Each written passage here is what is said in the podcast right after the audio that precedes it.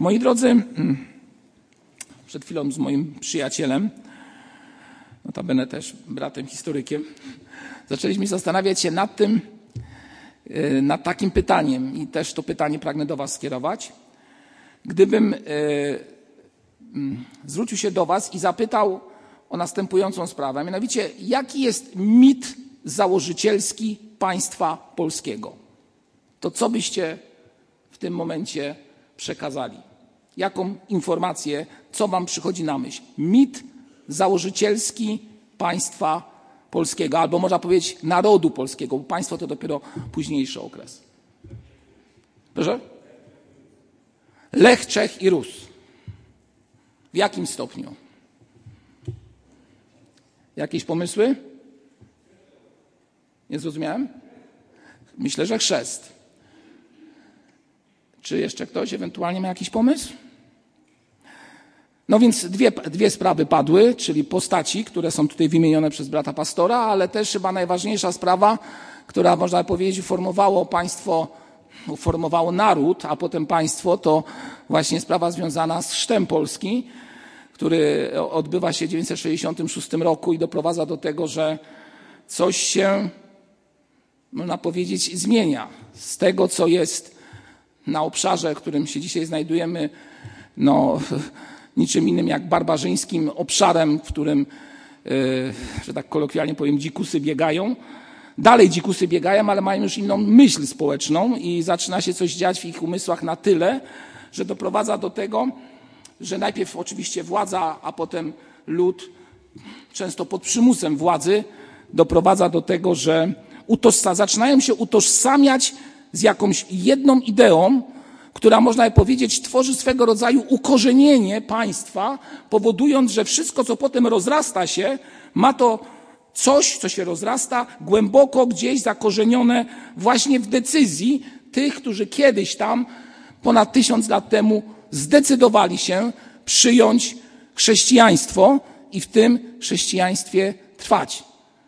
I nie jest to, jakaś, nie jest to jakiś banał, tylko jest to coś, co jest bardzo istotnego także i dla nas dziś.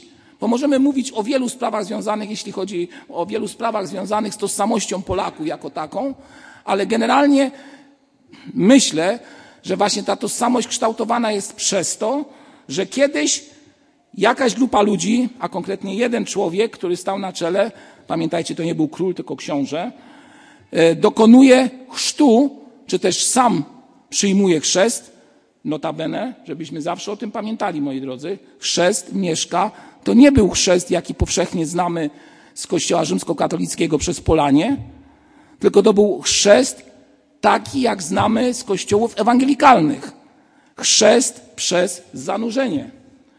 Mieszko odbył 14-dniowy okres przygotowawczy, a następnie przyjął chrzest przez zanurzenie.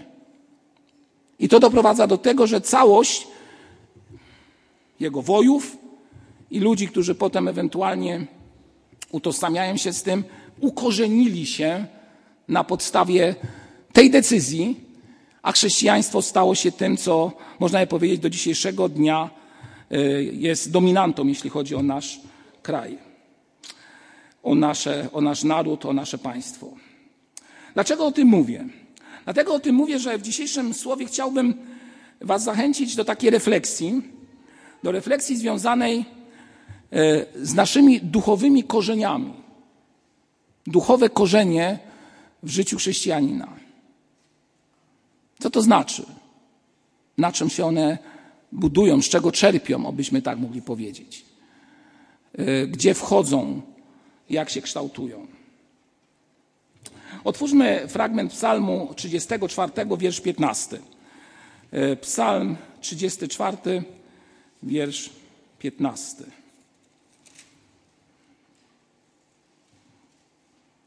Odwróć się od zła i czyń dobrze.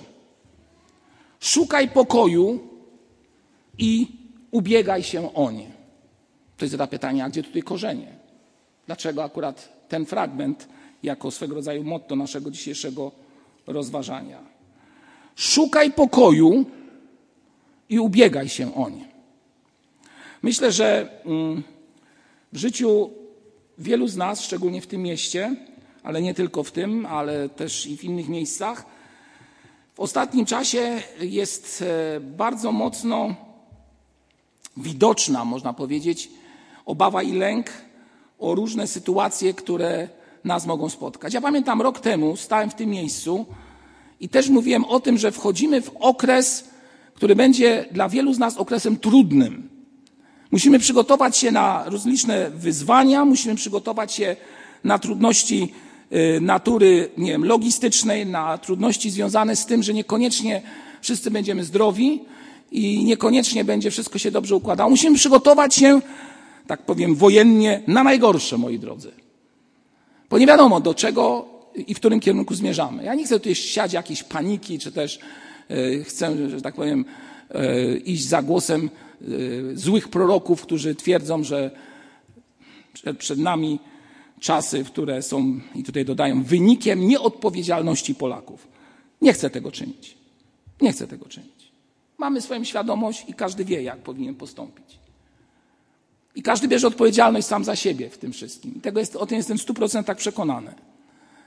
Ale y, mam świadomość także tego, że to, co przed nami, nie jest czasem który, można je powiedzieć, jest czasem sielanki, spokoju, czy też daje nam perspektywę sielanki i spokoju, jak to często się mówi o okresie letnim. Raczej widzimy, że może być nieciekawie, że mogą przyjść trudności, mogą przyjść kłopoty. Może zdarzyć się coś w rodzaju takiej duchowej powodzi, która będzie zalewała nas, tak obrazowo to przedstawiam, i niszczyła wszystko, co spotyka na drodze i niszczyła wszystko, co spotyka na drodze. Ja nie zapomnę e, jednej z sióstr, tak, jest tutaj, nawet na nią spojrzałem, jak e, zadzwoniłem do niej, kiedy ona była w szpitalu i to młoda osoba, i nagle usłyszałem w słuchawce, że ma trudność, żeby wypowiedzieć słowa. Taki ból i takie cierpienie. A jeszcze niedawno nic nie wskazywało na to, żeby coś się mogło takiego wydarzyć. Nie zapomnę mojego przyjaciela Mirka, który z dnia na dzień praktycznie znalazł się w takim miejscu, że jak powiedział mi, kiedy rozmawiałem z nim, oczywiście nie mogłem wyjść osobiście, że leży na brzuchu i praktycznie nie wie, co będzie dalej. Moi drodzy, Mówię to, mówię to dlatego, żeby Was zachęcić, aby Wam powiedzieć bardzo proste słowa. Słowa, które są zawsze w słowniku, czy też były zawsze w słowniku naszego Pana Jezusa Chrystusa. Mianowicie ufać Mu, żebyśmy ufali Ojcu, który jest w niebie. W tym psalmie 34 jest piękny fragment, który pamiętam w mojej, w mojej historii, mojego życia, był dla mnie bardzo, bardzo istotny. Kiedyś już o tym mówiłem, ale akurat w tym dzisiejszym kazaniu y, no, uważam, że powinienem to przywołać jeszcze raz.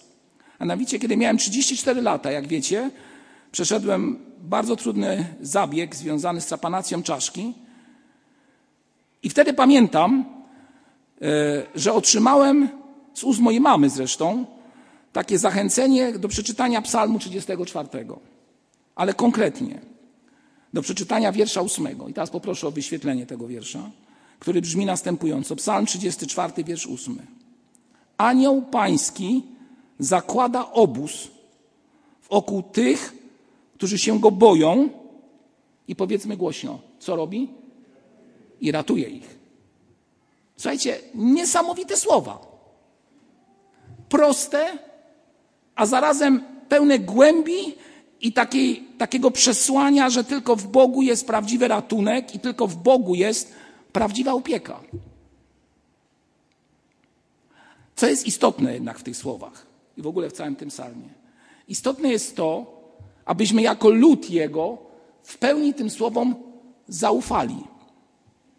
Bo można je przeczytać, można je się nauczyć na pamięć, można wiele rzeczy z tymi słowami zrobić. I powiem kolokwialnie, nie będą one w Twoim i moim serduchu, na im sercu. Dlaczego? Dlatego, że je znam ale nie praktykuję. Ale nie praktykuję. Czyli ufam, ale jakby nie do końca. Jestem wierzący, ale co? Niepraktykujący, tak? No moi drodzy, okazuje się, że chrześcijaństwo, z którego, jak powiedziałem, czerpie dzisiaj cały nasz naród, z tych korzeni chrześcijańskich, okazuje się, że przyznaje się do tego, że ma swoją tradycję opartą na tradycji kultury i w ogóle wierzeń chrześcijańskich, a w rzeczywistości z tymi wierzeniami jest tak, że jak przychodzi choroba, to e, oprócz oczywiście modlitwy i różnych zaklęć, które ludzie mają w swojej głowie, udają się do różnych dziwnych osób. A chyba najlepiej oddają to różnego rodzaju e, pokazywane relacje z różnych e, miejscowości, że tak powiem, wiejskich lub też ośrodków wiejskich, gdzie ludzie nawet udają się do pewnych miejsc, aż się boję tego powiedzieć, gdzie, rozliczne szeptuchy w dzisiejszym czasie nie wiadomo co czynią. I ludzie temu wierzą. Więcej, boją się tego. Pismo Święte mówi: odwróć się od zła i czyń dobrze. Szukaj pokoju i obiegaj się o nie. Szukaj pokoju, czyli wróć do tego, co jest istotą Twojego nawrócenia. A co jest istotą Twojego i mojego nawrócenia dziś? Tradycja baptystyczna? Jakaś inna tradycja? Co jest istotą, istotą Twojego nawrócenia? Co powoduje, że stoisz twardo przy Chrystusie? Przebaczenie grzechów. Co jeszcze? To najważniejsze właściwie. Myślę, że ugruntowanie na Panu Jezusie Chrystusie. Można powiedzieć inaczej, ukorzenienie w Chrystusie i czerpanie z Chrystusa. Nie powiem, że jest to mit założycielski Twojego życia, bo samo słowo mit tutaj nie pasuje, ale jest to coś założycielskiego w Twoim i moim życiu. Gdyby Chrystus nie dokonał zmiany sposobu Twojego i mojego myślenia, i tak jak brat powiedział, nie nastąpiłoby przebaczenie Twoich i moich grzechów, de facto bylibyśmy ludźmi, którzy są lada wiatrem miotani, rozliczną i dziwną nauką prowadzeni i de facto wierzą, a jakby nie wierzyli. Ufają, a jakby byli daleko od tej ufności. Dopiero ukorzenienie w Chrystusie, czy też zaufanie Mu w pełni, daje to możliwość tego, że człowiek, pomimo rozlicznych prądów życiowych i sytuacji, które na niego wpływają, twardo stoi. Pamiętacie y, zdjęcia relacji która, y, z powodzi, które, która to powódź była w naszym kraju, chyba w 96, już nie pamiętam dokładnie, któryś czy 7. Ja tam zapamiętałem jedną sprawę. Południowa Polska była zalana na maksymalnie. Wrocław pod wodą, praktycznie no tragedia. Wielu ludzi straciło dorobek całego życia. Ale jedna rzecz utkwiła mi wtedy w głowie i trwa, można powiedzieć, do dzisiaj. Mianowicie, kiedy pokazywano te obszary zalane, w pewnym momencie zobaczyłem, że gdzieś tam w tym bezmiarze wody stoją drzewa. Zalane, ale stoją. Nie uległy tej wodzie. Okazało się, że to były dęby się przyjrzałem oczywiście. I wtedy sobie pomyślałem, że właśnie to jest to coś, co powinno stanowić o moim życiu i o życiu chrześcijanina dzisiaj. Ugruntowanie. Zadałem sobie pytanie, dlaczego one nie zostały powalone przez powódź? Bo miały co? Korzenie. Miały korzenie. Moi drodzy, to jest tak istotne dzisiaj, abyśmy wręcz modlili się i błagali o to, aby Pan Bóg ugruntował Twoją i moją wiarę, oczywiście na Słowie Bożym, na Panu Jezusie Chrystusie, który jest tym, który nas prowadzi, który nam wskazuje drogę, ale też który nas umacnia. Abyśmy mogli tak ukorzenić się, można powiedzieć, w Nim, w Chrystusie naszym Panu, że nic, co przychodzi z zewnątrz, nie doprowadzi do tego, że zostaniemy powaleni. Czy to będzie choroba, czy to będą rozliczne nauki, czy to będzie cokolwiek, co do nas wpływa, a wpływa tego bardzo dużo. Od zwykłych pokus, przez trudne sytuacje życiowe, od choroby i braku ufności w tej chorobie, załamania, przez depresję i wiele innych spraw. Moi drodzy, ukorzenienie. Ostatnio mieliśmy spotkanie seniorów w ramach naszego programu Herbatka Seniora, tak? Brat Krzysztof Motyka miał przygotowane studium biblijne między innymi i mówiliśmy o odchodzeniu. No taka pora, myśmy powiedzieli. I co było ciekawe, że starsi dzielili się tym, co jest w ich sercu, jeśli chodzi o kwestie przyszłości. I nie było to bardzo jednoznaczne u wszystkich. Oczywiście widziałem duże pokłady wiary i ufności, że wszystko w naszym Panu Jezusie Chrystusie jest możliwe i On wszystko jest w stanie pobłogosławić i przeprowadzić człowieka przez trudne chwile, także związane z przejściem stąd do wieczności. Słyszeliśmy świadectwa osób, które e, na skutek wypadku przez pewien okres czasu nie chciały wracać, jak to określały, z miejsca, w którym były i wręcz buntowały się przed tym, gdy lekarze ich cucili. Tak przynajmniej to było powiedziane. Nie będę wchodził w szczegóły tego, bo to już jest indywidualna sprawa i osobista sprawa każdego człowieka, który o tym opowiada. Ale moi drodzy, pojawił się też lęk, czy też obawa przed odchodzeniem. Moi drodzy, okazuje się, że nie wszyscy są herosami duchowymi wiary. Nie każdy sobie może powiedzieć, o, co to dla mnie śmierć. Co to dla mnie śmierć. No.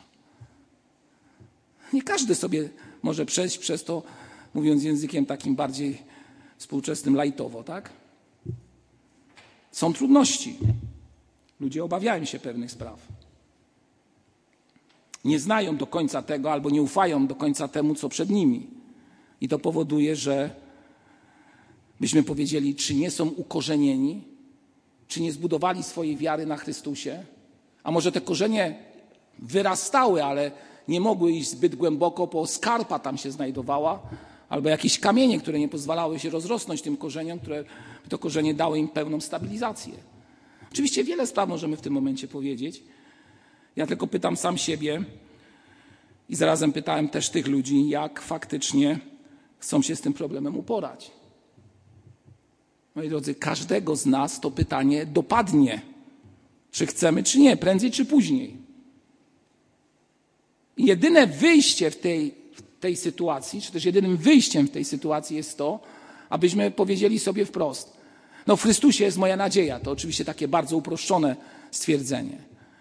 Ale też świadomość tego, że wiem, na czym, na kim oparłem moją wiarę. I wiem, jak głęboko sięgają moje korzenie, które pozwolą mi w próbach i doświadczeniach ostać się. Ostać się, moi drodzy. Bo istotą życia chrześcijańskiego nie są uwznioślenia, istotą życia chrześcijańskiego nawet nie jest najwspanialszy śpiew, który tutaj miał dzisiaj miejsce. Ale istotą chrześcijańskiego, chrześcijaństwa jako takiego jest to, aby ostać się tutaj, w tym świecie.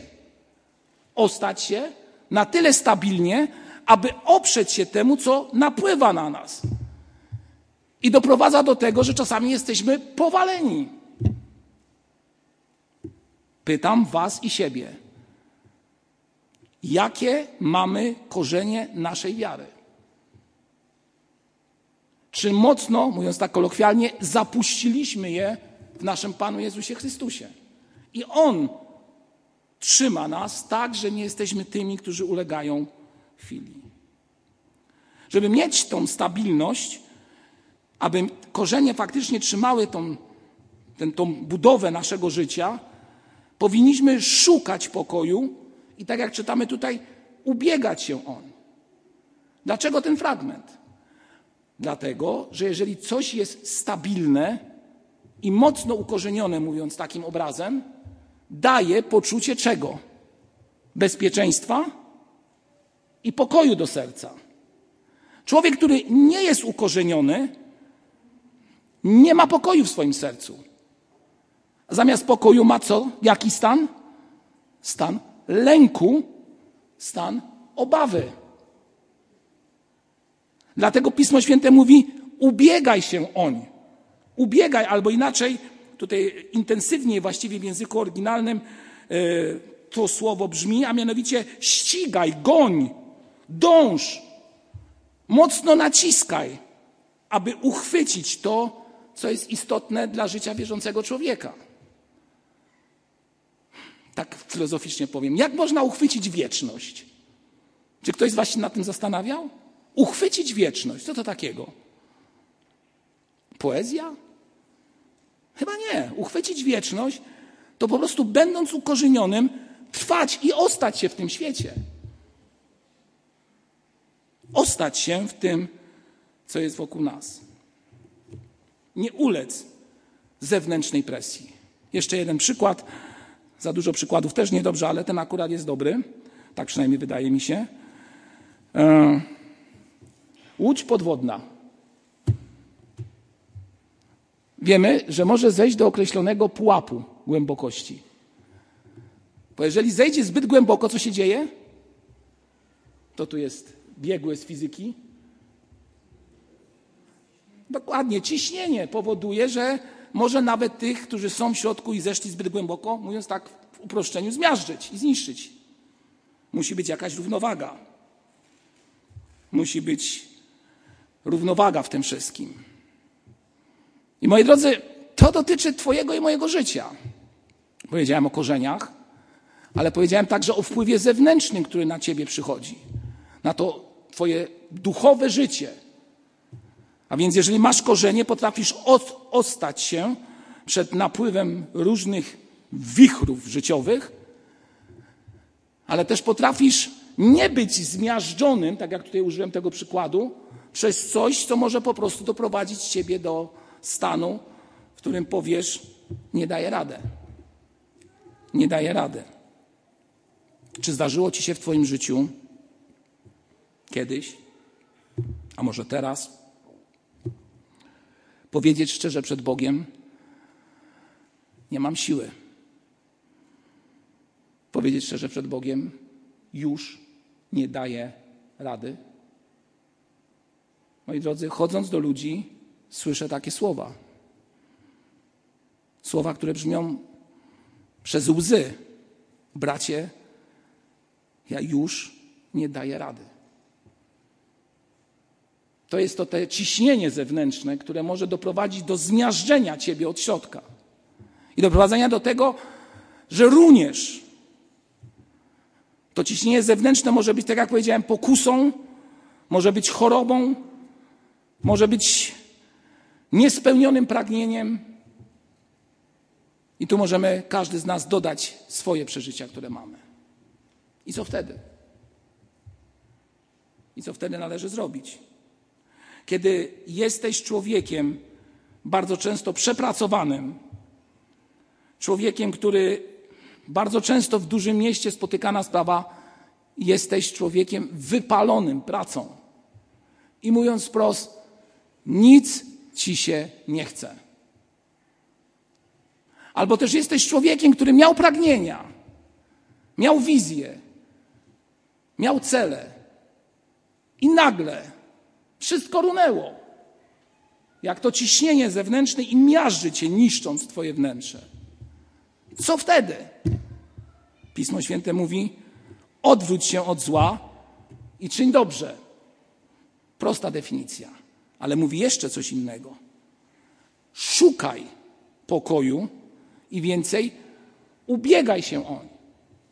A więc, kiedy przychodzą trudności, człowiek nie powinien być osobą, która spocznie na laurach i powie: Jestem bezradny, nie mam siły. Dziś Was i siebie chcę zachęcić. Nie dajmy się, drodzy. Nie dajmy się temu, co na nas spływa.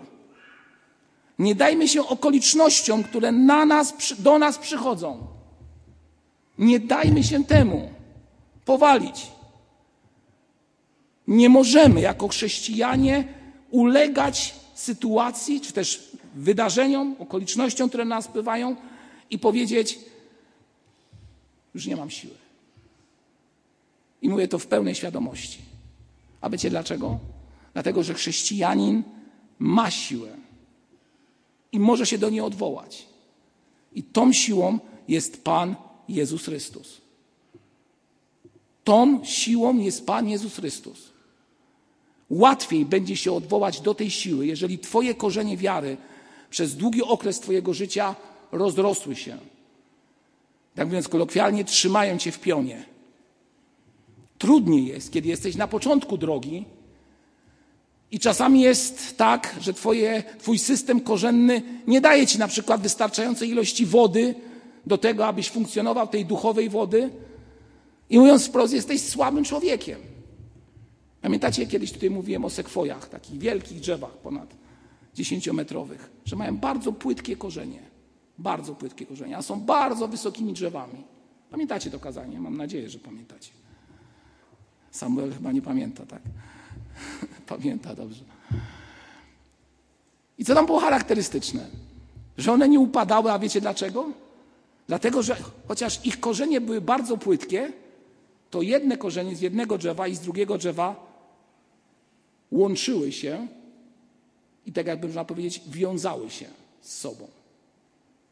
I to powodowało, że wielkie drzewo, niektórzy nawet mówią, że 100 metrów mają niektóre, aż nie chce mi się w to wierzyć, ale tak czytałem, potrafiło ostać się w burzy. I to mówię do tych, którzy są na początku drogi. Może twój system korzenny wcale nie jest zbyt głęboki i nie czerpiesz z tego źródła Chrystusowego na tyle, aby ostać się w trudnościach. Połącz się z bratem, z siostrą, razem wzmocnijcie się, aby przeciwstawić się złu. Aby przeciwstawić się złu. Moi drodzy, szukajmy pokoju. Tego pokoju w Chrystusie. Ubiegajmy się o nie. Ten pokój może być Twoim udziałem i moim. Tylko i wyłącznie wtedy, jeżeli będziesz mocno osadzony na Panu Jezusie Chrystusie. Mocno osadzony w Nim.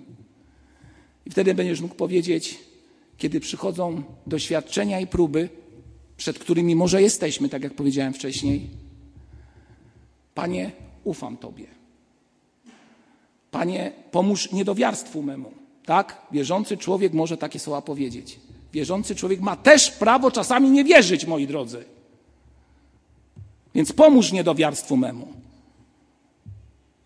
I to coś, tą pewność da Ci Jezus Chrystus, i wtedy będziesz mógł wyprostować się i powiedzieć: Panie, oto jestem.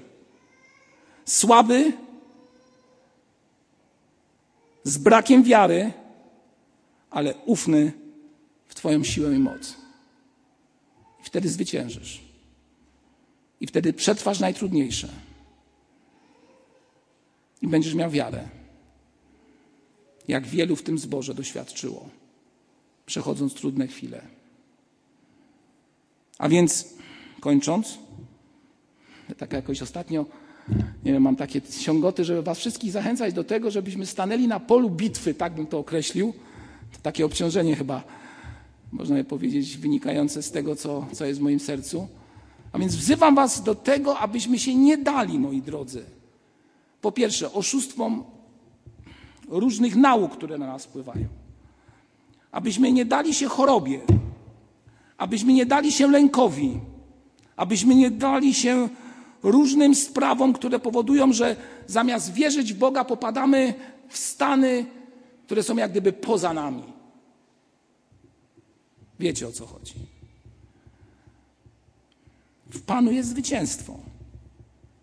A to, co mamy robić, to każdego dnia prosić, aby Chrystus ukorzenił mnie i Ciebie na swoim miłosierdziu, na Jezusowym miłosierdziu i na Jego mocy. Wołajmy do Boga o to, aby dał nam siłę przejść przez sytuacje, które są może przed nami. Zapraszam do modlitwy.